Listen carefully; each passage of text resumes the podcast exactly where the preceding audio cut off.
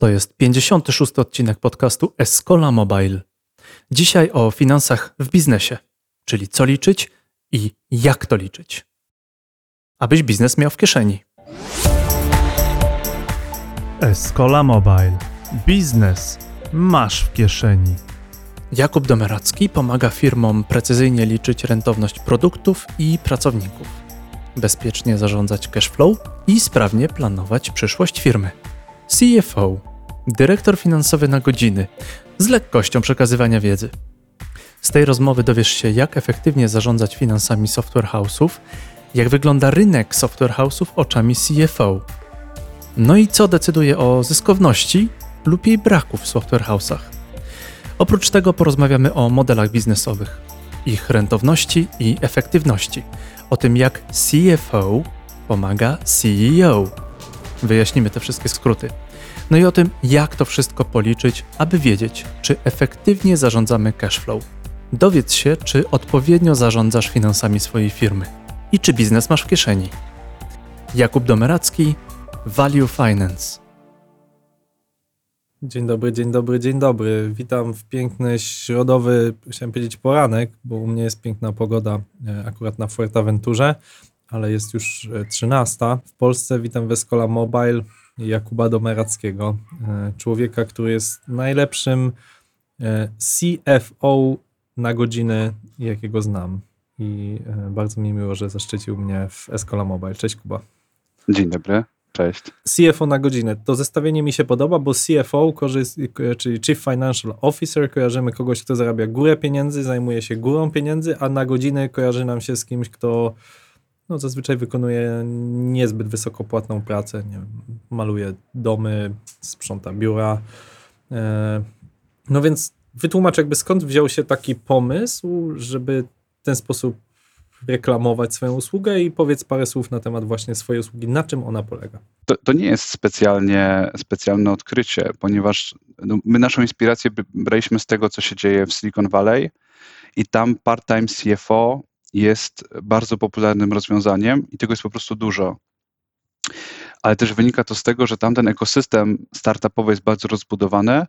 Masz dużo ex-CFO, ex-founderów też o takim profilu CFO, którzy coś zrobili, coś postawili, gdzieś działali w jakimś fajnym technologicznym projekcie i, mm, i mają te kompetencje, z którymi mogą wyjść. Jest na to potrzeba, bo jest duża świadomość po stronie founderów, bo oni wiedzą, że żaden, że, że nie jesteś w stanie być poukładanym, poskładanym fajnym startupem o dobrej waluacji, no bo to jest coś, w co zawsze najpierw uderzają inwestorzy, czyli pokaż mi swoje cyfry, show me your numbers i jak gdyby i tym, jak bardzo masz mocne cyfry, to jest druga rzecz po tym, jak masz mocny pomysł. No bo pomysłów na, na rynku jest super dużo. Później zaczęła być rozmowa o tym, OK, a jak z egzekucją? No a dzisiaj jest OK, jak bardzo rozumiesz to na cyfrach. No i teraz w Stanach Zjednoczonych jest to dosyć fajnie poukładane, jest tego dużo, jest, to po prostu działa. I my, siedząc wcześniej w biznesie venture capital, wiedzieliśmy o tym, że know-how taki numerologiczny, cyfrowy i zrozumienie biznesu na cyfrach, zrozumienie modelu biznesowego, zrozumienie tego, jak działa Twoja firma, jak zarabia, gdzie zarabia i co będzie dalej, jest kluczem, żeby pomnażać pieniądze. Jest jedną z ważniejszych rzeczy, które tak naprawdę wnosi do Twojego świata business venture. I podeszliśmy do tego, do problemu w taki sposób, że co by było, gdybyśmy spróbowali dać tylko know-how zarządzania finansami, ale taki profesjonalny, i skupione na budowaniu wartości firmy, mm, bez całego komponentu nogi inwestycyjnej, bez całego komponentu nogi obejmowania udziałów.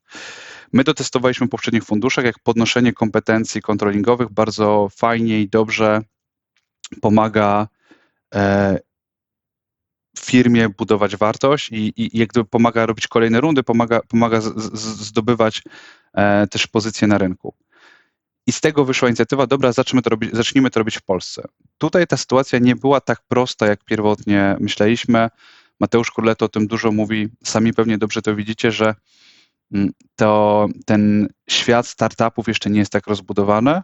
W ogóle świadomość potrzeby zrozumienia finansów, jakieś takie team X Venture, e, tego wszystkiego jest bardzo mało. I ruszyliśmy z tym projektem 3 lata temu, ale to nie było tak proste, jak pierwotnie myśleliśmy, bo te, te metodologie i możliwość rekrutowania ludzi nie była tak, e, taka oczywista. I my dopiero przez te, przez te trzy lata intensywnie budowaliśmy kompetencje i logiki po to, że kolejny dołączający do nas CFO dostaje pakiet wiedzy nie tylko w obszarze tego, jak wspierać software house, e-commerce, SaaS, e, agencję digitalową, ale też jakie ona ma problemy w takim swoim codziennym biznesie operacyjnym. I dopiero te dwie rzeczy połączone powodują, że naprawdę jesteś w stanie szybko dostarczać wartości, szybko rozumieć, co się dzieje w biznesie klienta, co trzeba poprawić, co trzeba zmienić. I dzięki temu jesteś w stanie dostarczyć tej usługi na godzinę. Bo faktem jest, że nasz cały zespół składa się z bardzo kompetentnych, doświadczonych finansowo osób, ale wciąż to nie było wystarczające, żeby rozwiązywać wszystkie problemy e, klientów w czasie i w budżecie, które jest dla nich odpowiedni. Okej, okay, dobra, Kuba, już sprzedałeś. Ja, ja, ja, ja to, totalnie już kupuję tą ideę, to teraz pogadajmy faktycznie o tej części, jakby skorzystajmy z Twojej wiedzy, poprosimy teraz o demo, tak? Więc Jasne. jak rozumiem, świadczycie usługi m, przede wszystkim firmom technologicznym, e, tak. software house'om. E, no to no, pierwsze pytanie, które mnie szalenie interesuje, to jest jak w tej chwili postrzegasz rynek, tak? I interesują mnie te dwa obszary jakby z zakresu technologii. Pierwsze to są software house'y, takie jak Escola, które właśnie mm, w tej chwili średniej wielkości, małej, średniej wielkości, czyli ta Escola ma teraz 50 osób, to znaczy jaki jest ten rynek, jak się na nim plasuje ta Escola, czy my jesteśmy w ogonie tych malutkich, a jest pełno dużych, czy jest właśnie przeciwnie, bardzo dużo małych, jak wygląda to po stronie przychodowej? Ja tu też prowadzę transparentnie, rozmawiam o finansach. Escola kończy rok e, ponad 1-2 miliona zysku netto, więc jakby jak my się kształtujemy, czy nasza marżowość, która jest w tej chwili na poziomie e, do 6 milionów, to jest ile? Ty pewnie szybciej liczysz ode mnie. Nieco ponad 20%. Czy ona jest dobra, czy ona jest zła? E, opowiedz mi trochę o rynku, tak? Opowiedz mi na liczbach. Należy spojrzeć w ogóle jak ta dynamika rynku software house'ów przebiegała przez ostatnie bodajże 15 lat. I tutaj też w sumie chciałbym z Tobą odbić tę myśl, bo ten sektor, na który my patrzymy, mm, jak mamy starych graczy na rynku, no to to jest trudne, żeby sobie to szczerze powiedzieć, ale tak naprawdę największe podmioty na rynku są podmiotami body leasingowymi. Mają bardzo prosty model, mm -hmm. po prostu handlują CV. I to, to, no, to jest jedna grupa firm. Tak, kompetencjami, bo za, ty, za tymi CV bardzo często. Czyli rozumiem, mamy na myśli takich wielkich, no bo to wydaje mi się nie jest takie proste, tak? Bo z jednej strony są behemoty typu Aseco i Komar, które są po prostu... Ale to, poczekaj, to, to, właśnie chciałem powiedzieć, że zobacz, zobacz, co się wydarzyło od początku rynku, tak właściwie też, no bo to jest cały czas po, jak gdyby pogłębia się zrozumienie, że i to dopiero teraz, tak właściwie w czasie naszej rozmowy zauważyłem, że jak sobie spojrzymy na ludzi, którzy zaczęli biznes 15 lat temu, 20, 15, 11, to one, one, to są biznesy, wyskalowane biznesy są modelami bardzo czystych modeli biznesowych, czy wyskalowane firmy. Albo masz czystą produktową firmę, Komar, Aseco, albo masz czysty body leasing. I teraz tak naprawdę tutaj się podzielił rynek. I oczywiście jest tak, że masz dwie kompetencje w tym całym sektorze. Jeżeli robisz produkt, to masz taki product development, product ownership i tutaj też ci wchodzi cały marketing, sprzedaż, taki product fit, to jak bardzo potrafisz skąd, jak gdyby poznać potrzebę klienta, odpowiedzieć na tą potrzebę i zbudować rozwiązanie, które realnie koresponduje z tym, co, co, co, co ta osoba potrzebuje. I, te, I tu masz fajne kompetencje produktowo-klienckie. A drugą rzeczą, którą, którą możesz zrobić, no to tak naprawdę działać na skali i kiedy działasz na skali, no to, e, to wtedy masz pewną efektywność operacyjną, czyli to, że masz bardzo dobre procesy, bardzo dobrą efektywność, w wyniku czego możesz handlować. I właśnie ta efektywność modelu jest bardzo ważna. I to, co się dzisiaj dzieje, czyli to, gdzie wy jesteście, to jest, to jest takie, to w ogóle ma nazwę, czyli, czyli to, jest, to jest company building, czyli albo solution maker. I to jest moim zdaniem trzeci czysty model, który wyrośnie i faktycznie będzie w stanie być wyskalowany w jakiś sposób, mhm. ale on jest niebywale skomplikowany, bo Okej, Jak- czyli jeszcze raz, bo to ty użyłeś kilku trudnych słów. Dobra, Czyli chcesz powiedzieć, że Escola, bo ja to odnoszę do siebie, tak? Wydaje mi się, że Jasne. wielu naszych słuchaczy ma biznesy porównywalne. Może czasami nieco większej, czasami nieco mniejszej, albo są klientami Escola, czyli są firmami usługowymi, tak nie wiem, firma Topaz, dla której robimy aplikacje, czy Radio 357, dla której robimy aplikacje, albo to są tego typu jakieś firmy tam średnie, większe, albo są to no, nasi konkurenci mniej lub bardziej, którzy robią podobny, e, podobny biznes, więc Czyli to, co mówisz, to to, że my jesteśmy solution makerem, bardzo mi się nazwa ta podoba, dlatego się tak tego, czyli dostarczamy rozwiązania, tak po polsku to tak, dostarczamy rozwiązania, rozumiem, za pomocą naszych produktów, bo mamy jakieś tam produkty lub półgotowe produkty, lub też właśnie mamy osoby, które mają kompetencje w określonych obszarach. Escola jest na pewno najbardziej znana z edukacji, czy z obszaru finansowego, z y, aplikacji finansowych i tam mamy pewne unikalne kompetencje, które sprawiają, że gdzie inny y, zespół deweloperów by potrzeba 10, to my to zrobimy w 5 i jest większa szansa, że dowiedziemy. Czy to dobrze rozumiem? dobrze to rozumiesz. To, ja, ja uważam, że to jest w ogóle temat, który powinniśmy pogłębić, no bo mm, to okej, to nazwy, które, o których myślę, on, te, te nazwy są różne i, i, i widzę, że różni founderzy różnie nazywają te rzeczy. Możesz to nazwać digital cons- consulting, możesz to nazwać digital transformation, możesz to nazwać company building, możesz to nazwać solution maker. I to, co jest moim zdaniem kluczowe w tym modelu konkretnie biznesowym, w którym działasz, to jest to, że masz poza kompetencjami IT też kompetencje sektorowe Twojego klienta. Znaczy, rozumiesz, Mhm. czym konfrontuje się edukacja. Tak, jest- nie wrzucam tylko ludzi, którzy po prostu umieją w C, czy tam umieją w dotnecie, tylko wrzucam ludzi, którzy umieją e, w, na przykład w dotnecie, ale rozumieją też na przykład sektor transportowy albo, nie wiem, sektor inwestycji finansowych, tak? I, A to daje sektor szkolnictwa, wartość. sektor szpitali. To jest moim zdaniem Mhm. bardzo ważne, bo teraz jak sobie patrzysz, znowu to bardzo dobrze widać na raportach finansowych, to bardzo dobrze widać, jak masz dobrze poukładane raportowanie i dobrze widzisz efektywność. Bo to, to jest bardzo, tak, ten fakt jest bardzo wyraźny, że rozumiesz sektor klienta, bo on się ciągnie przez wszystkie rzeczy. I zacznijmy od najbardziej prozaicznych aspektów. Masz SEO, masz content, który jest materialny dla klienta. Możesz zbudować sobie grupę odbiorców, nie IT geeków, tylko grupę founderów szpitali, dla których masz materialny content, który ich interesuje. I nagle wychodzisz z tego świata, w którym jesteś, no bo tak naprawdę wszyscy founderzy software house'ów są w tej takiej banieczce IT geeks. No i tam jak gdyby wszyscy się kumplują, wszyscy się znają, to jest fajne.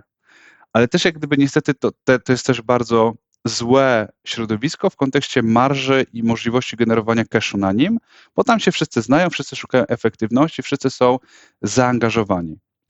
I w momencie, w którym No bo y, ja, ja to tak spłycę, bo ty tak fajnie, ciekawie powiedziałeś, że y, właśnie my jako founderzy software house'ów, firm informatycznych, startupów, bardzo często jesteśmy trochę geekami, tak? Czyli my sobie dyskutujemy, czy lepiej aplikacje robić na przykład we Flutterze, czy w React Native. albo która architektura jest efektywniejsza. Tak, a dla właściciela, tak jak powiedziałeś, uczelni, dla rektora, który chce mieć aplikację mobilną, go to, jego to, czy ją w ogóle to nie interesuje, tak? Chce mieć działającą aplikację, która łączy się z konkretnymi systemami uczelnianymi. Więc oczywiście to gdzieś tam ma znaczenie, bo musi się łączyć z tymi systemami uczelnianymi, ale na poziomie, rozumiem, decision makera, tego, przyjmijmy rektora, który ma tą, tą, tą aplikację zamówić, czy y, prorektora, kompletnie ta technologia jest wtórna, tak? To jest Pójdźmy dalej. Mądry rektor zapyta ciebie, jak ta apka pomoże mi ściągać więcej uczniów na kolejne semestry do mojej szkoły i podniesie rangę szkoły w świecie uczelni. Bo o to zapyta cię mą- mądry lektor. Jak, jak, jak kontrybuujesz do biznesu, czy jak bardzo dowozisz wartość do jego biznesu uczelnianego, a jego biznes uczelniany to jest ściąganie kolejnych studentów na wyższym czesnym, na dłuższe studia. Period. No taki I jest jego cel. I mądrzejszy. Żeby rozsławiali y, imię uczelni. Tak. No bo jak gdyby oni idą do pracy, widać, że oni Mhm. się tam ciągną. W, no właśnie i, i moim zdaniem właściwe pytanie rektora do ciebie jest takie, Krzysiek, powiedz mi, jak ta apka właśnie przełoży się na moje KPI-e? Czy jak Mhm. to pomoże mi dbać o mojego klienta? I to jest moim zdaniem takie, to jest ten next step selling, czyli ty w ogóle, ty, ty sprzedajesz rozwiązanie jego problemu, a temat IT schodzi w ogóle na dół. On jest jak gdyby, on jest niższym tematem, bo kiedy ty jesteś w stanie jak gdyby dostarczyć mu wartość na tej relacji on student, on media, on wykładowcy, to wtórne, no bo wtedy gra toczy się na przykład o tam 150, 300 milionów przychodu. Nie wiem, ile uczelnie mają przychodu, nigdy nie byłem tak głęboko w tym biznesie, nie wiem, 500 milionów przychodu i ty jesteś w stanie dołożyć mu kolejne 100. Albo na 500 milionach jesteś w stanie mu dołożyć kolejne 7 milionów czystej marży. Usprawniając pewne procesy, pewne procesy administracyjne, komunikacyjne, zasięgowe. I moim zdaniem wtedy przechodzisz do zupełnie innego miejsca w, w, tej, w jego budżetowaniu, w jego rozumieniu kosztów, które, który, którymi koniec końców będzie twój projekt. Czyli, żeby to powiedzieć jednym zdaniem, solution maker, czy ten y, inne słowa, ale przyjmijmy to solution maker, to jest osoba, która faktycznie dostarcza ci rozwiązanie, które usprawnia twój biznes. Albo optymalizuje koszty. Wspomniałeś, aplikacja mobilna sprawia, że kli- klienci, studenci czy wykładowcy mniej muszą chodzić do dziekanatu, zawracać głowy, pisać pisma, mogą wyklikać pewne rzeczy w aplikacji, może być e-obieg dokumentów, tak? Więc mamy redukcję kosztów, tak? A z drugiej strony mamy bardziej zadowolonego studenta, bardziej zadowolonego wykładowcę, optymalizację pewną przy wykorzystaniu sal, jakiejś komunikacji, czyli mamy e, wyższe przychody, no oczywiście przede wszystkim satysfakcję, ale to się może, tak jak mówisz, przenosić na przychody. I jeżeli te dwie rzeczy umiem rozwiązać klienta, ty to oczywiście przekładasz na liczby, bo jesteś Jakub Domeracki, to jest twoja rola, żeby to potem pokazać, że na 500 milionach mam 7, no to ja wtedy rozumiem, mogę się umówić z klientem, jak, tak jak to robi wielka czwórka, czyli umówić się, ok, to jedna trzecia z tych siedmiu idzie dla mnie, dwie trzecie dla ciebie, tak? I, I wtedy ja mogę mówić, że zrobię ci aplikację nie za koszt godzin moich deweloperów, który wyniesie milion złotych, tylko ja zrobię za jedną trzecią z tych e, 6 milionów, które ty zarobisz, czyli ja bym chciał 2 miliony, bo ja ci umiem udowodnić, że ja dla ciebie zarobię 6 milionów, a ja chcę tylko jedną trzecią, dwie Tak. trzecie zostaje dla ciebie. No i teraz zobacz, jak to, jak to zupełnie inaczej się zachowuje marża. No bo kiedy podchodzisz do ofertowania i sobie robisz OK, załóżmy, że robię sobie narzut na, na, na projekcie. No i teraz znowu pytanie, czy masz oloadowaną stawkę, czy nie oloadowaną? Czy masz stawkę programisty obciążoną ogólnymi kosztami firmy, czy nie? Ale to do tego później dojdziemy. To, to, no, przyjmijmy, że mam oloadowaną, czyli że, że kosztuje mnie 100 zł czystej faktury dla programisty plus 20 zł moich e, overheadów, kosztów pozyskania klienta i tak dalej, a reszt Bardziej 80. no. Drodzy klienci, którzy słuchacie, Escola nic, y, ma bardzo niską tą stawkę, y, taką tą overheadów. Y, Prezes jeździ na rowerze do pracy, żeby, było ta, żeby wasza godzina programisty była taniej. Dobrze, Kuba, możesz mówić dalej. To jest prawda, to jest prawda, bo ile razy się widzieliśmy i przyjechałeś na rowerze. Tak cię poznałem w sumie.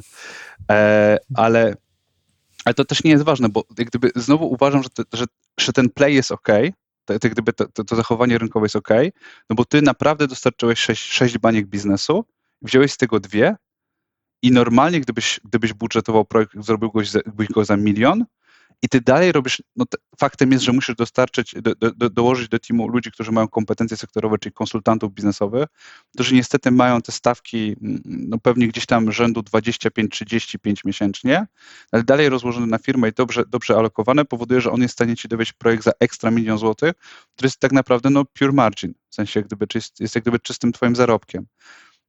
Więc to, to cię przenosi do innej ligi. No ale teraz wróćmy do tego problemu naszego sektora, bo tak naprawdę gdzieś tam jesteśmy, no my doradzamy firmom właśnie mniej więcej pomiędzy 30 osób a 100 osób. No i to są firmy właśnie albo, które rodzą się, jest bardzo paru fajnych graczy, którzy, którzy robią tę di- digital transformation, faktycznie biorą konsultantów, faktycznie mają team biznesowy na pokładzie. Też ten team biznesowy musi dobrze rozmawiać z teamem technologicznym, tam musi być taka wola współpracy. Wydaje mi się, że ten problem, tak jak rozmawiam z klientami, on był bardzo wyraźny trzy lata temu, on jest coraz mniej wyraźny dzisiaj, czyli to całe podejście zespołów technicznych, kodujących, jest, oni, oni coraz bardziej są otwarci na biznes, coraz lepiej to rozumieją. Tak naprawdę pojawiliśmy się w sektorze software house'ów trzy lata temu i obserwując to, jak się tematy rozmów zmieniają, uważam, że bardzo fajnie ten rynek dzisiaj ewoluuje. No to powiedz, jak się zmieniły, bo to jest ciekawa perspektywa, akurat Escola istnieje mniej więcej 3 lata i mniej więcej 3 lata istnieje Value Finance, więc em, ja widzę po sobie, tak, jak się zmieniło moje podejście, więc powiedz jak twoje. widzieliśmy pewne zarysy tego, tego, tego właśnie tego, tego no, no właśnie iścia w kierunku tego digital consultingu, była transakcja w Deloitte, było paru fajn, fajnych już większych graczy, którzy sobie po, poradzili i, i, i, i, i to robili, ale ci mali dopiero uczyli się, czym jest business model Canvas, czym jest lean product development, czym jak gdyby pojawiła się, też nie było tak dużo literatury, teraz mamy całą metodologię Google'a, czyli te Google Sprinty, które pokazują, jak rozwiązywać problemy, measure what matters mm, i, i mm, przedsiębiorczość zdyscyplinowaną, która przyszła z MIT. To są pozycje, których wcześniej nie było, a dzisiaj idziesz do Empiku, no po prostu kupujesz i tak naprawdę w sześciu, siedmiu pozycjach jesteś w stanie za, zawrzeć całą wiedzę, którą potrzebujesz mieć, żeby, żeby realnie rozwijać swój model biznesowy i, i iść do przodu.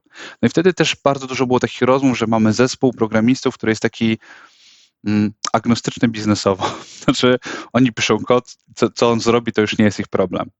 To było trudne, bo to, bo to bardzo utrudniało zarabianie, robienie marży. Oczywiście ci najmądrzejsi szli do przodu, ale teraz widzimy, że tych rozmów jest, tak jak ja, jak ja to obserwuję, coraz mniej. W sensie ten problem wydaje mi się, że zniknął bardzo fajnie. Też nie wiem, czy, czy wiesz o tym, że chyba w 2000 roku jest taki mm, konkurs na, na naj, najlepszy zawód na męża. Kobiety głosują, z jakiego zawodu chciałyby mieć męża i nie wiem, czy wiesz, że w 2000 roku czy 2019 pierwszy raz informatyk wygrał. No, to I, pięknie. I pierwszy raz jak gdyby stał się, sta, jak gdyby wiesz, w sensie mm, ewidentnie ten też, no, ale to jest prawda, w sensie, wie- wiesz, jak, jak, jak No sobie zobaczysz zdjęcia spotkań programistów sprzed 10 lat, no wiemy jakie są, a robiliśmy event w HubHubie, no przyszli, przy, przyszła polska część, albo warszawska część polskich e, founderów, kurde, super ubrani goście, część w ogóle marynarki uszyte na miarę, Porsche pod drzwiami, no to jest, no jednak ci, ci programiści, którzy dzisiaj od, są founderami, prawdziwymi founderami i właśnie tacy biznesowymi founderami, no to wydaje mi się, że ich obraz się bardzo zmienił. No ale to też za tym poszło podejście moim zdaniem do biznesu, pewna otwartość, zrozumienie potrzeb klienta, też to, że bardzo dużo eksportujemy jako, jako, jako branża software house e, do Europy, do Stanów, do Skandynawii, to jest świetna rzecz.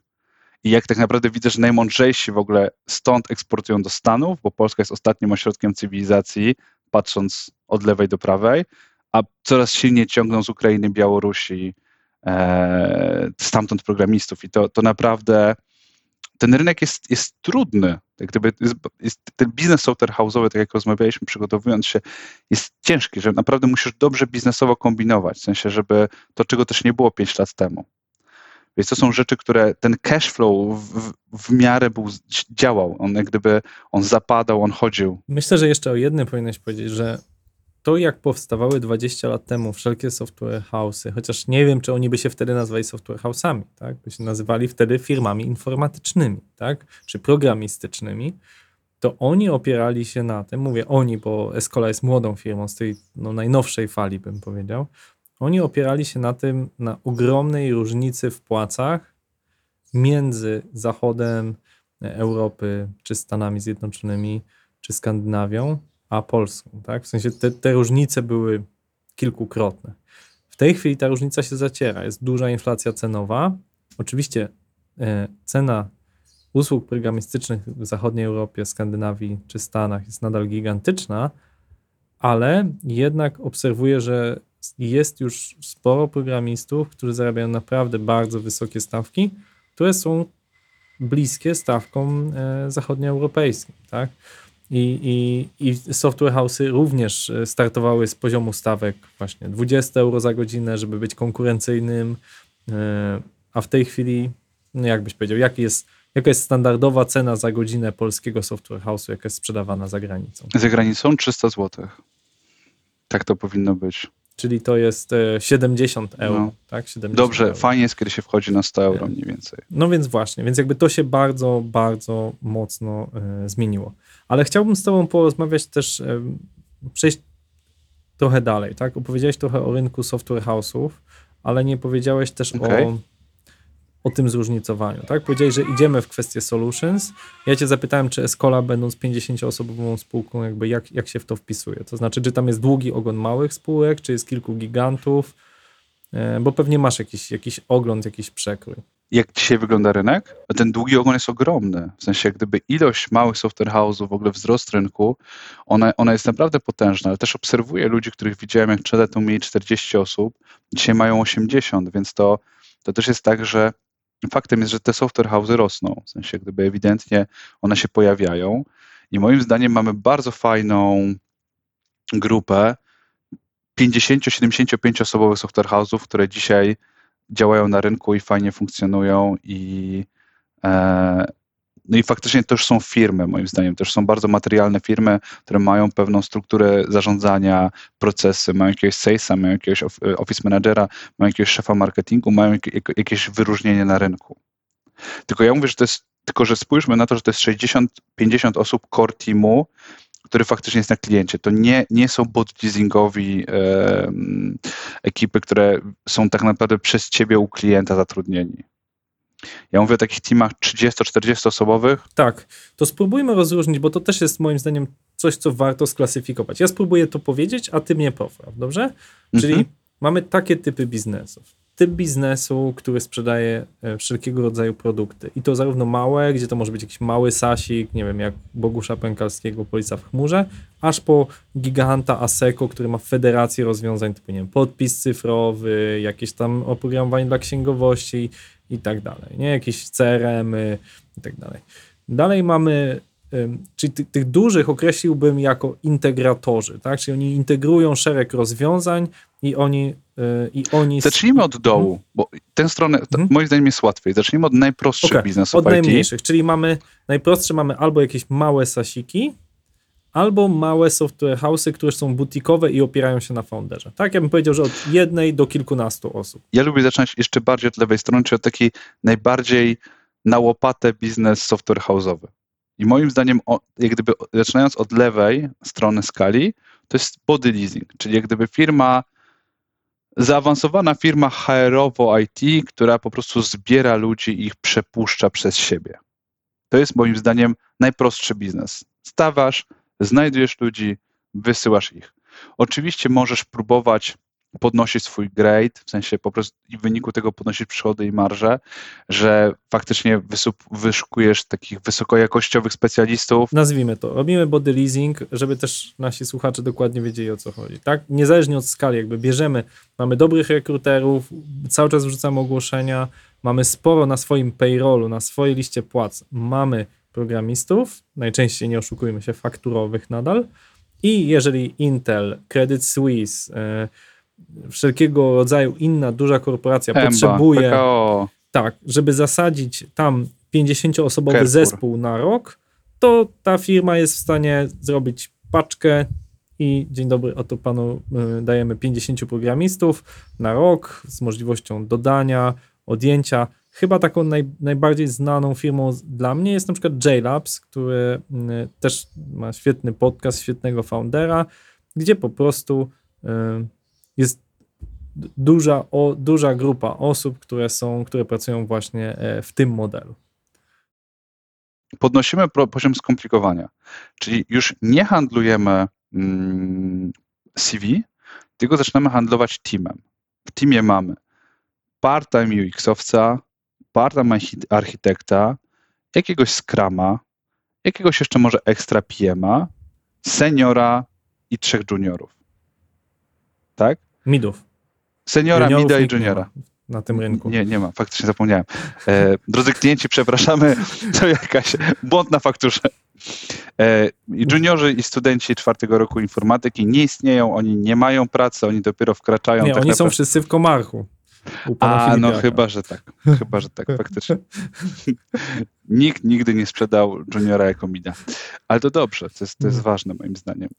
E, Okej, czyli sprzedajemy team, tak? Team, który się zna, co jest, co jest wartością dodaną. Zna, ma jakąś metodologię, e, ma mniej więcej, szybko wskakuje, ma zazwyczaj jakieś narzędzie w pakiecie. Jest tak? zgrany Czyli, wewnętrznie. Ma swoją Jirę, ma, tak, jest zgrany, ma jakiś swój pakiet narzędziowy, ma jakiegoś swojego, swój, swój pakiecik narzędziowy, który, z którego korzysta, tak?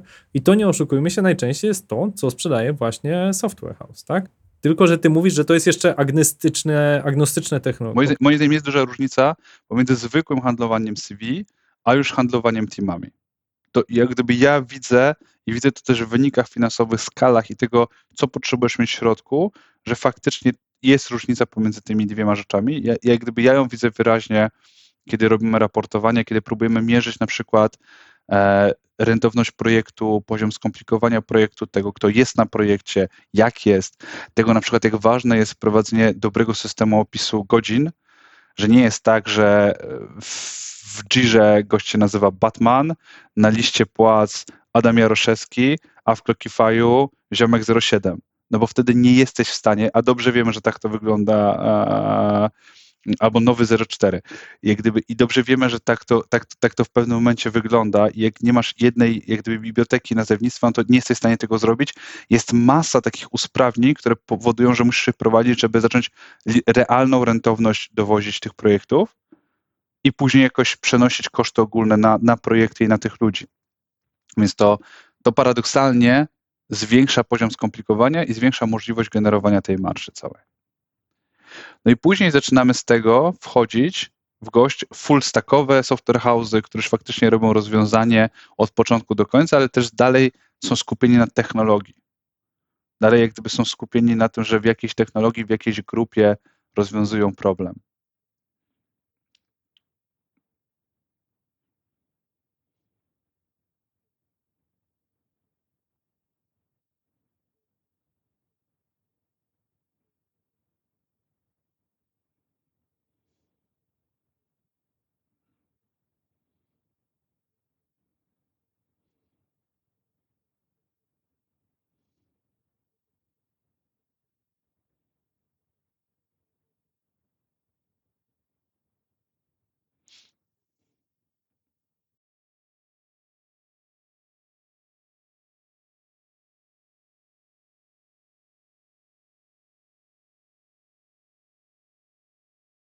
Tak.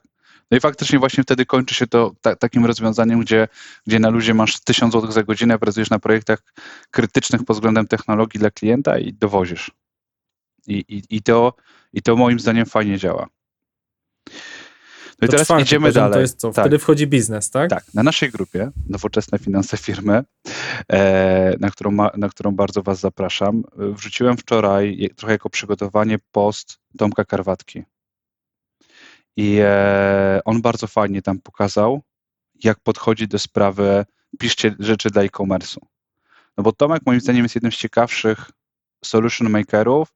On ma niszę e-commerce'ową. No jest jak gdyby i faktycznie... Solution makerem, Tomasz, Tomek Karwatka. No niewątpliwie jest to ikona, ja, ja też dla tych osób nie znam. To, Grupa Divante jest pewną ikoną, jak wyrośli i, i warto też powiedzieć, dlaczego im się to udało, tak? To, to, zróbmy background, bo on jest ważny, tak? Jak chciałeś usługi od e-commerce, to wiedziałeś, że Tomek yy, i bracia Karwatka to dla ciebie zrobią dobrze i grupa Divante, tylko często nie było cię stać, bo oni zawsze mówili, że oni są dość drodzy. Tak? 250 tysięcy to było tak, że jak nie masz, to nie dzwoń do Divante, bo nie masz po co. To też moim zdaniem było bardzo ważne w tym pricingu. Ale zobacz na przykład piękną rzecz ostatnią, którą zrobili. Tomek zrobił podcast. I o czym on tam rozmawia? On rozmawia z gośćmi od, od biznes developmentu e-commerce'owego. I on naprawdę tam taki, ja, ja, słuchałem paru, paru podcastów, tam są bardzo biznesowe rady, które ja jako osoba kompletnie nie IT z dużym zainteresowaniem słuchałem, mówię, wow, to są, to są rzeczy dla mnie też ważne. Zobacz, jak on mocno się do przodu pozycjonuje. No i idzie do przodu, tak? No jakby to jest jego rok, 2000, znaczy był 2020, a ten 21 będzie jeszcze bardziej jego rokiem. E, ja mam poczucie, że ostatnie 5 lat wszystkie były jego rokiem. Okej, okay, dobra, to, to tyle o Divante. Ja no dobra, bardzo pozdrawiam tutaj tą ekipę e, z mojego rodzinnego Wrocławia. E, przejdźmy dalej, tak? Czyli mamy, czyli, czyli poszliśmy dalej. Wchodzimy już nie w specjalizację technologiczną, tylko w biznes. Co jest na etapie czwartym, tak? No właśnie i to jest i moim zdaniem ta specjalizacja biznesowa jest kolejnym czystym modelem, który wyrośnie i będzie, no bo dalej jak gdyby, dalej masz albo, albo jesteś produktem, czyli tak naprawdę już przeskoczyłeś trochę etap, albo jesteś company builderem, czyli w ogóle robisz na zlecenie dla korporacji firmę. Moim zdaniem to jest usługa, która jednak będzie niszowa, bo tam jest potrzebny CEO, sam proces organizowania firmy jest dosyć skomplikowanym procesem. Uważam, że to jest niszowy, wysokomarżowy produkt, ale nie, nie do wyskalowania. Okej, okay, to, to, to czekaj, to, to nie przeskakujmy. Czyli, Czyli... Tru, czy prawdziwe opportunity window mhm. jest, jest, jest ten digital transformation? Tylko, że musisz mieć naprawdę konsultantów biznesowych, Czyli umiem, czyli umiem na przykład właśnie w edukację. Umiem w, i to nie w finanse ogólnie, tylko umiem w określony fragment finansów i mam klientów. Mhm. nawet więcej, nie, nie umiesz w edukację, umiesz w robienie biznesu w edukacji. Mhm. Umiem w usprawnianie biznesu w edukacji. Mhm. To jest moim zdaniem ogromna różnica. I w tym momencie jest domknięcie, że idziesz do uczelni, po uczelni mówisz, umiem usprawniać poprzez IT biznes uczelniany. Czy możemy porozmawiać?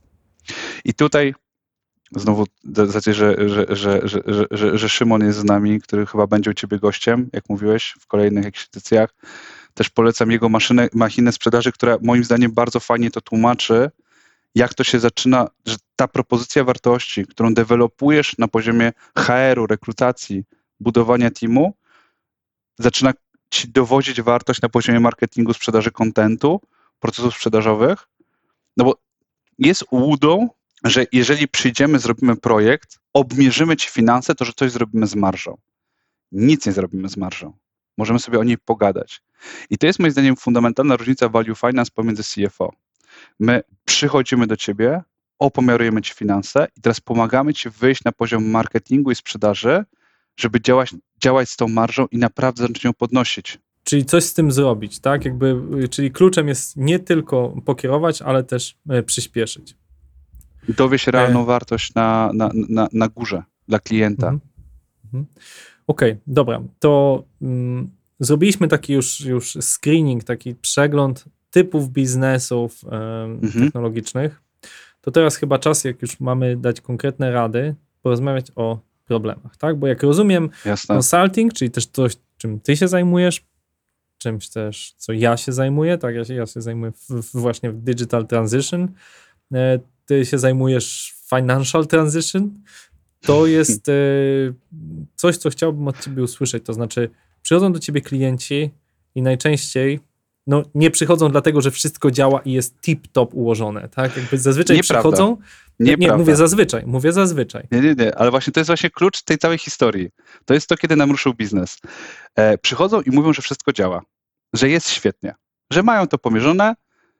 Jakimś cudem na tej pięknej kuli poczucia, że wszystko działa, pojawiła się mikroryska i pozwalają nam powiedzieć, dobra, możecie zobaczyć, jak gdyby może coś wam się uda znaleźć. No i to się okazuje, że to jest pięknie policzane na kompletnie niewłaściwych danych. Znaczy, są piękne tabele, bo widzimy, bo wszystko zaczyna się od tego, od czegoś, o czym słowo, które się Tobie spodobało bardzo, jak pamiętam, number literacy. Wszyscy właściciele so- software house'ów są zajebiści w cyfrach. Wszyscy, jak jeden mąż. Bardzo dobrze liczą. To jest totalna cecha No muszą, branży. muszą. No właśnie muszą rozumieć matematykę, tak naprawdę muszą rozumieć kod, jak gdyby, a muszą rozumieć matematykę, żeby skończyć pierwsze dwa lata informatyki, a potem ona tak naprawdę idzie w odstawkę. Tak, tak jakby być brutalnie szczerym. A teraz finanse to nie jest tylko matematyka. To jest matematyka w 30%. I teraz widzimy piękne tabele, super imponujące e, wykresy, imponujące analizy, prowadzące do kompletnie błędnych wniosków ponieważ nie są oparte na dobrych danych wsadowych, ponieważ tak naprawdę właściwymi danymi wsadowymi, które powinny być prawidłowo poukładane, jest księgowość. Większość founderów, jak dzwoni do księgowości, to jest zaraz po tym pierwszym bipie, jak jeszcze nie odebrała, jest takie rozłączenie, nie, nie dziś. Miałem trudny dzień, może jutro. Nie chcę, żeby ten dzień był jeszcze trudniejszy. Co rozumiem, bo jest bardzo du- du- duży problem komunikacyjny. Ale bank nie jest właściwym miejscem, z którego bierzesz dane przepływy bankowe nie są właściwym miejscem, z którego bierzesz dane. Zwłaszcza jak masz, jak, masz, e, jak masz spółkę, czy jak masz pełną działalność. Oczywiście na początku, jak masz 10 osób, nie ma problemu. Jeden, dwóch, trzech, czterech programistów, super, to jest świetne źródło danych. Ale później tak naprawdę musisz sobie ustrukturyzować prawidłowy obieg dokumentów, wiedzieć, że wszystkie faktury tam są, zmapować sobie te koszty.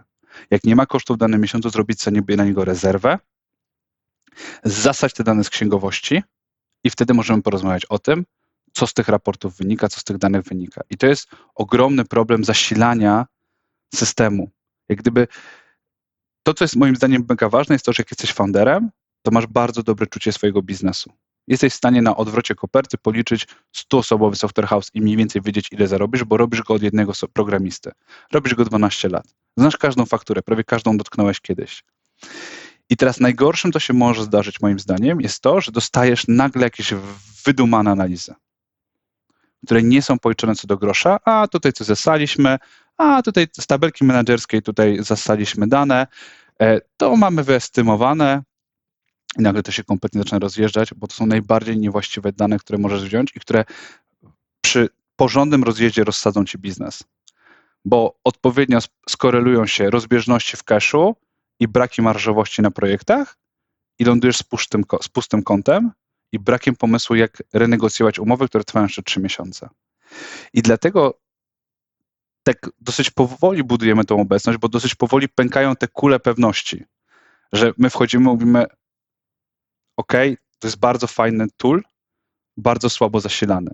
I wtedy faktycznie robimy porządek na poziomie tego toola, że układamy dane wsadowe, porządkujemy proces obiegu dokumentów, porządkujemy to, co wchodzi do tego toola i później te wykresy faktycznie są fajne, faktycznie są na telefonie, ale wtedy one dają realną wartość. I to nie są błędy rzędu 3%. To są rzędy, błędy rzędu 15-10% w skali firmy w różnych obszarach. Więc na Software House, gdzie rentowność masz 15-20, mógłbyś mieć 30, jakbyś ją dobrze policzył, albo myślisz, że masz 30, ale 15% kosztów w profilach ty się nie uwzględniasz. Ale też faktem jest, że dużo founderów jest takich bardzo racjonalnych życiowo i nie żyją, nie wydają pieniędzy nadmiernie, Jeżdżą mają odpowiednie poduszki. Tak, Warto podkreślić. ale poziom skomplikowania biznesu, konkurencja w sektorze, terminy płatności i jak gdyby unikalność, która spada z czasem, one cały czas psują ten biznes, jak gdyby pogarszają jego możliwość generowania cashu. I to, jeżeli tego się nie zacznie w odpowiednim momencie mierzyć i reagować i dojrzale zarządzać i pokazywać odpowiednim osobom w teamie odpowiednie ilości, odpowiednie dane, to, to moim zdaniem to się w końcu zje. Albo po co? To jest trochę tak, że masz rower, jesteś kolarzem, ale jedziesz na nienapompowanych dętkach. Bo tak, bo jesteś kozakiem. No tylko jak je napompujesz, jedziesz dwa razy szybciej. No to tak jest właśnie wtedy, kiedy dołożysz finanse do i tak dobrze napędzonego roweru, masz dobrą nogę, faktycznie umiesz pedałować, no tylko co z tego, jak sobie dentek nie napompowałeś, bo uznałeś, że pompowanie dentek jest dla cienkich. Dobra, fajna metafora. To teraz konkrety, panie Jakubie. Co tak naprawdę decyduje o zyskowności Software House'u? I uwaga, uwaga, jak ją zwiększyć? Słucha prezes Escoli, Krzysztof Wojewodzic i kilkadziesiąt innych osób. Słucham konkretnych rad. Na, pewno, na pewno to, co zwiększa rentowność e, e, software house'u i projektów, to jest precyzyjne policzenie kosztów, precyzyjne ich kontrolowanie i precyzyjne jak gdyby widzenie tego, który klient jest realnie rentowny, a który nie jest. Czekaj, tu cię zatrzymam. Czyli biorę listę moich klientów. Ja nawet sprawdziłem, bo za zeszły rok miałem 33 klientów i robię sobie tabelkę. Ile realnie zarobiłem procentowo, marżowo, czy godzinę programisty. Okazuje się, że tu sprzedałem za 100 zł, a tu za 200, a tu za 300, tak? Tak realnie. I, I rozumiem, że to jest pierwsze ćwiczenie, które robię. No, to jest pierwsze półćwiczenie, bo ćwiczenie w pełni kończy się wtedy, kiedy pamiętaj o tym, że w miarę jak zaczynasz mieć 30-40 osób, to udział To produkcyjny... wypowiadam umowę tym, którzy, którym nie zarabiam. Y, Drodzy klienci, którzy, na którzy mało mi płacicie, strzeżcie się, idą wypowiedzenia już. Pamiętaj, że jak gdyby rośnie udział produkcyjnych do nieprodukcyjnych. I, czyli zmienia się udział produkcyjnych do nieprodukcyjnych. Ta liczba nieprodukcyjnych rośnie, no bo musisz zarządzać strukturą. Czyli Masz- tak zwana ławeczka. Tak zwana ławeczka. Nie. Tak? Nie, nie. Czy, Ławeczka- czy tak zwani e, e, overhead, tak? Czyli nie wiem, Overheadzi. managerowie, jakiś dyrektor administracji. Jeszcze gorzej. prawnik, Dyrektor tak? administracji, prawnik. No bo mamy. Pierwszą rzeczą jest to, jak bardzo mamy pospinany bazowy biznes. Czyli bilowalne, niebilowa- niebilowalne, czyli to, żeśmy schrzanili, musimy napłacić, na, za, na, naprawić. Ławeczka, e, holidaye, internale. Mhm. Bodajże Mhm. to było wszystko, prawda? Po polsku Po- holiday dla tych, co nas słuchają, to urlopy się nazywa, A urlopy, a internale to nawet nie wiem, Szkolenia wewnętrzne. internale. No szkolenia Okej, wewnętrzne, szkolenia wewnętrzne. Mhm. dojście na rekrutację, pomóc Spotkania, pani od. HR-u, Mhm. integracja, no, Mhm. nie wypada liczyć integracji, ale, ale, ale no, mniejsza o to. To jest jak gdyby pospinanie części bazowej, czyli tej produkcyjnej i jej efektywności, a do tego dochodzi ci właśnie ta cała administracyjna część, też poziom życia, jakość biura foundera i CEO i osoby, które pracują dookoła. I dopiero jak te dwie rzeczy zaczynasz kontrolować pod względem rentowności, to masz pewien sensowny obraz tego, co się dzieje w twojej firmie, czy to działa, czy to nie działa, czy to się klei, czy to nie klei i gdzie się nie klei. I niestety jak liczysz rentowność klienta, to musisz uwzględnić ją razem, po pierwsze z tą częścią niebilowalne, urlopy, integracje, ale też jak dużą część ten projekt zbiera części ogólnej firmy. I dopiero jak to połączymy w całość, no to wtedy jak gdyby rozmawiamy o tym, który projekt jest rentowny, a który nie.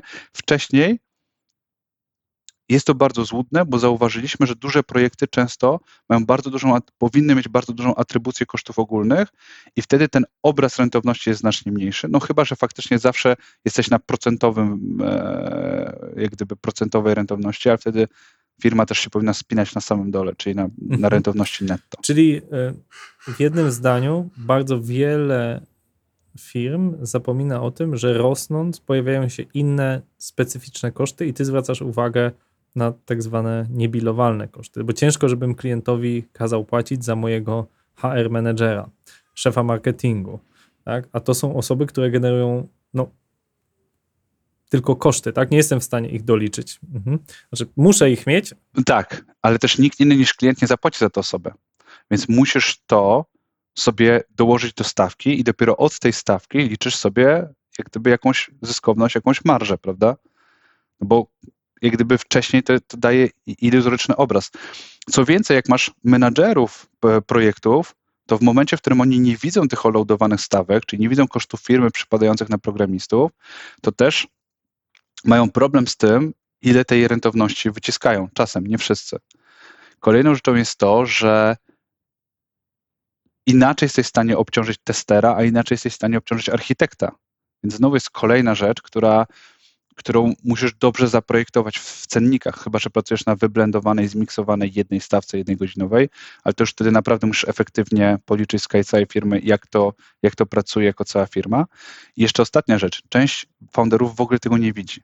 W ogóle nie ma obrazu, w sensie w ogóle nie, nie ma raportu, który by to pokazał. Cze- Widzimy czasem na rynku, że są takie pojedyncze zakładki, że tak sobie klikasz styczeń, luty, marzec, kwiecień, maj. Kurde, ile było w styczniu? Dobra, styczeń. Nie, nie ma tego na Chyba osi widziałeś czasu. mój raport, bo u mnie też jest styczeń, luty, marzec. No właśnie, a to jest jak gdyby tutaj To jest takie do... wyjątkowe? Nie, to jest bardzo złe, bo tak naprawdę jak weźmiesz sobie książkę Google'a, czy Data Storytelling, w której Google bardzo fajnie opowiada o tym, jak oni podchodzą do prezentowania cyfr, zobaczcie, jak to jest ważne, żeby cy- cyfry były po- pokazane w odpowiedni sposób, były odpowiednio ciągnione, bo dopiero wtedy łatwo chwytasz trendy, widzisz pewne zjawiska. Nie zobaczysz pewnych zjawisk, przebijając się między zakładkami, bo musiałbyś to być jakieś robić tam skumulowane, tak? Żeby widzieć trend, tak? Różne dane różnie pokazujesz i to jest też ogromny nasz know-how, który my dokładamy do firmy, czyli ok, jak zobaczyć pewne dane, jak je, jak je pokazać, żebyś je widział, żebyś chwycił trendy, żebyś wycisnął więcej ze swojej firmy. Jedną rzecz chcę jeszcze z Tobą podyskutować. Zostało nam jeszcze mm, 15 minut, więc czas na naprawdę trudne pytania. Mam nadzieję, że nasi słuchacze są też gotowi. E, powiedziałem już, jesteśmy spółką akcyjną. Łącznie grupa generuje 1-2 miliona, 6 milionów obrotu. Od, y, kończyliśmy rok z 40 osobami, teraz jest 50. Dajmy na to, że Krzysztof Wojewódz chciałby już zostać cały czas na wakacjach i sprzedać firmę, czy swoje udziały w firmie. Ile warty jest taki biznes informatyczny jak Escola? Jak się takie wyceny robi? I czy może byłeś przy takich transakcjach? Do czego ten rynek dąży i jakby po jakich wycenach to się odbywa? Jestem ciekaw Twojej obserwacji. Dobrze, w sensie co do konsolidacji, nie byłbym tak do końca pewny, no bo jakbyś chciał kupić, jest, jest właśnie w tej waszej grupie 50, 150 osób, myślę 10 takich bardzo ewidentnych liderów. Tutaj pomi, pomijmy name dropping, żeby, żeby, żeby nie, żeby, żeby to nie jest dobre. I nie jesteś w stanie do nich pójść. Oni ci powiedzą, w sensie ci founderzy mają takie marże, taki cash flow, takie poduszki powietrzne, tak bardzo jasno wyznaczoną wizję, że powiedzą ci stary mm, baja bongo. Więc nie chciałbym, żeby tutaj ktoś to, kogoś to dotknęło, ale raczej sprzedawane są te software house'y, które mają mniej wyraźną wizję, mają mniejsze kompetencje sprzedażowo-marketingowe, nie wiedzą, jak je rozbudować, zbudować, jak sobie wyciąć to miejsce i stąd jak gdyby szukają tego miejsca do transakcji. Kluczowe też moim zdaniem jest to, jak bardzo masz firmę. To znaczy, jak bardzo ta firma jest skalowalna. Czy masz 25 osób? Moim zdaniem to jest wtedy taki bardzo ładny, fajny zakład rzemieślniczy, który nie jest firmą. Znika founder, znika firma, ci ludzie pracują dla foundera, tam się liczy relacja. Pierwszy proces tworzenia firmy, składania firmy e, w całość, pojawia się około 50-60 osób. Wtedy też najwięcej klientów do nas się zgłasza, że ten poziom skomplikowania firmy, poziom potrzeb raportowych, poziom potrzeb um, widzenia tego, co się dzieje, szedł na taki poziom, że chcemy się profesjonalizować. I to jest dokładnie ten punkt 40, 55, 60 osób. Core teamu znowu. Takiego, który faktycznie jest, jest u ciebie. I teraz e, wchodzisz na te 50 zaczynasz mieć firmę. Jest bardzo fajny software house, który dzisiaj powinien mieć pewnie 80 parę osób, ale wiem, że on 3-4 lata temu, 5, doszedł do 50 osób, zatrzymał sprzedaż, uregulował rentowność, rok układał procesy i się przeskalował. Więc jak gdyby oni, oni to fajnie zrobili, tam ten funder jest bardzo dojrzały, to jest taki funder 40+, plus. on widział dużo więcej, więc pewnie stąd było to doświadczenie. No teraz idźmy dalej. Dochodzisz mniej więcej do 120 osób, 100 i pojawia się taki moment, kompleks, że, że ten poziom complexity, ten poziom skomplikowania znowu się kompletnie zmienia. I to jest taki punkt, kiedy już naprawdę jesteś w stanie jako CEO zrobić krok w tył, wynająć sobie CEO, który ci poprowadzi firmę. Wtedy to już naprawdę staje się duże. I wydaje mi się, że kolejny punkt przełamania jest około 400-500 osób, kiedy jesteś już korpo i naprawdę masz takie śmieszne karty na tych rzemyczkach, żeby drzwi otwierać i limity na kawę w kawiarce.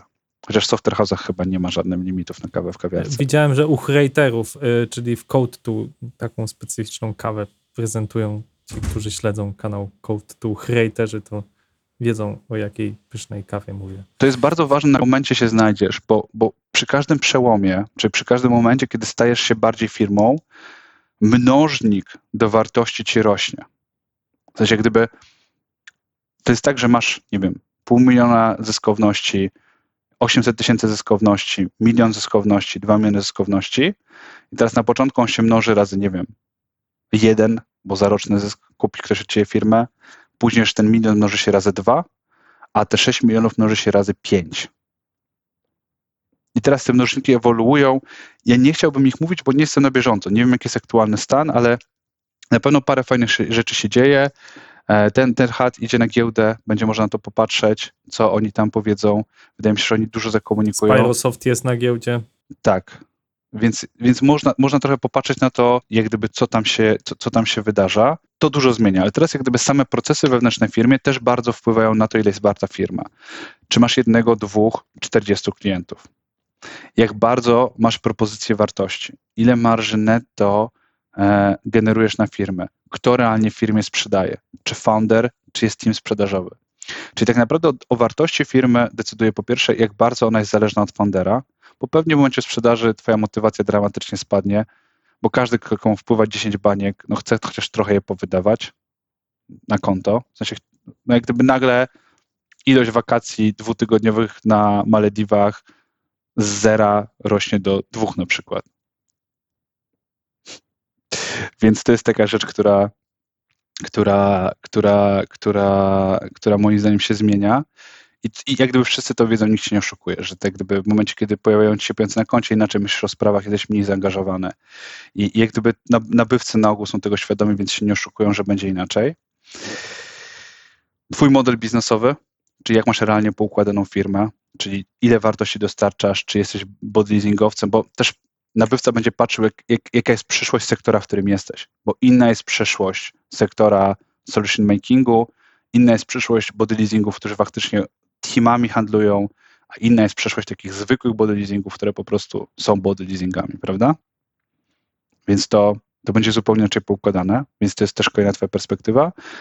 I poziom konsolidacji klientów, to na pewno jest też rzecz, która bardzo mocno wpłynie. Więc znowu najwięcej warte będą software house'y, które mają około 100 osób, są w sektorze solution makingu, mają około 40 klientów na pokładzie, 50-60, mają profesjonalne procesy sprzedażowo-marketingowe. Ile można za to dostać za ten software house? Też uważam, że dobrze jest wziąć profesjonalnego doradcę, który poprowadzi ci proces i bardzo jest ważne, żeby ten doradca miał doświadczenie w software house'ach. Wiedział, był na bieżąco z transakcjami. I paradoksalnie finanse są może jednym, ale ta specjalizacja, tak jak my robimy tylko dyrektora finansowego na godzinę, tylko to robimy, ale znamy odpowiednich doradców, z którymi warto porozmawiać w sprawie danej, tak samo są firmy, z którymi warto porozmawiać w sprawie biznesów software house'owych i sprzedaży. Słuchajcie, jakbym miał to podsumować, to chyba najważniejszym, co, co, co wyłania się z tej rozmowy z Jakubem Domerackim jest to, że e, biznes to liczby z jednej strony, ale z drugiej strony, że biznes jest procesem, tak? I to, co powiedziałeś, że na wartość spółki wpływa oddzielenie foundera od, e, od procesów, jakie mamy, od zespołów, zbudowanie faktycznie firmy, a nie zespołu ludzi, którzy są w dużej mierze zależni od foundera że właśnie dobre poukładanie finansów, podobnie zresztą jak dobre poukładanie IT, to jest przede wszystkim dobre ustawienie procesów we własnej firmie. I druga rzecz, która wyłania się z tej rozmowy, to to, że większa wartość, większa marża, większa zyskowność e, w wytwarzaniu oprogramowania jest nie w dawaniu CV, jak mówisz, dawaniu ludzi, ale przede wszystkim w dawaniu wartości, budowania konkretnej wartości E, dla klientów. I, i, I, z tymi dwoma lekcjami Was zostawiam. Jakub, jeszcze może do trzecią, trzecią ostatnią. Jeżeli mogę, my, my zaczynaliśmy nasz biznes z, z zdaniem biznes to liczby, ale się z niego wycofaliśmy. Stąd zmieniliśmy nazwę grupy Biznes to liczby na nowoczesne finanse firmy, bo biznes to nie są liczby. Biznes to jest pasja, to jest zaangażowanie, to są relacje, mhm. to jest rozwój. Liczby pomagają to robić. Liczby to umożliwiają, poprawiają, ułatwiają, pogłębiają, rozszerzają. Biznes to nie liczby i akurat za to trochę jestem wdzięczny środowisku software house'ów, bo founderów software house'ów, bo, bo gdyby oni nam mocno pokazali, żeby myśleć inaczej, że faktycznie to jest taki pierwszy sektor, który naprawdę nie myśli, że biznes to liczby i my też tak nie myślimy. W sensie wiemy, ile mogą liczby pomóc, ale na przykład jak pracujemy z fajnymi kulturowo firmami, to oni, to jest jeden z wymogów w czasie rozmowy o współpracy, że nie chcemy, żeby wasze raporty zniszczyły nam kulturę. I my wiemy, jak to robić, bardzo nad tym pracujemy i nigdy raport finansowy nie jest przed kulturą. Nie jest przed wizją, nie jest przed pomysłem na to, co robimy, jaka jest nasza rola w świecie. I my, chwilę nam zajęło, żeby nam synapsy się skleiły, ale się skleiły. Słuchajcie, no to, to jest najlepsze podsumowanie. Znaczy, patrzcie na liczby, ale cieszcie się tym biznesem. Subskrybujcie tak fajne podcasty jak Escola Mobile, kto jeszcze tego przypadkiem nie zrobił, żeby was nie minęły takie świetne rozmowy, jak moja dzisiejsza rozmowa z Jakubem Domerackim z Value Finance, za którą bardzo, bardzo serdecznie dziękuję. Dziękuję. Escola Mobile. Biznes masz w kieszeni. Dziękujemy za Twój czas i za to, że spędziłeś go z nami. Jeśli używasz ekosystemu Apple, będzie nam niezwykle miło, jeżeli napiszesz nam fajną recenzję i zostawisz 5 gwiazdek. Jeśli w Twoim otoczeniu są osoby, którym mogłaby się przydać wiedza Escola Mobile, podaj im ten podcast. Po prostu im o nim opowiedz. Escola Mobile, biznes masz w kieszeni. Znajdziesz nas na iTunes, Apple Podcasts, Spotify i w każdej dobrej aplikacji podcastowej. Bardzo dziękujemy jeszcze raz, że byłeś z nami.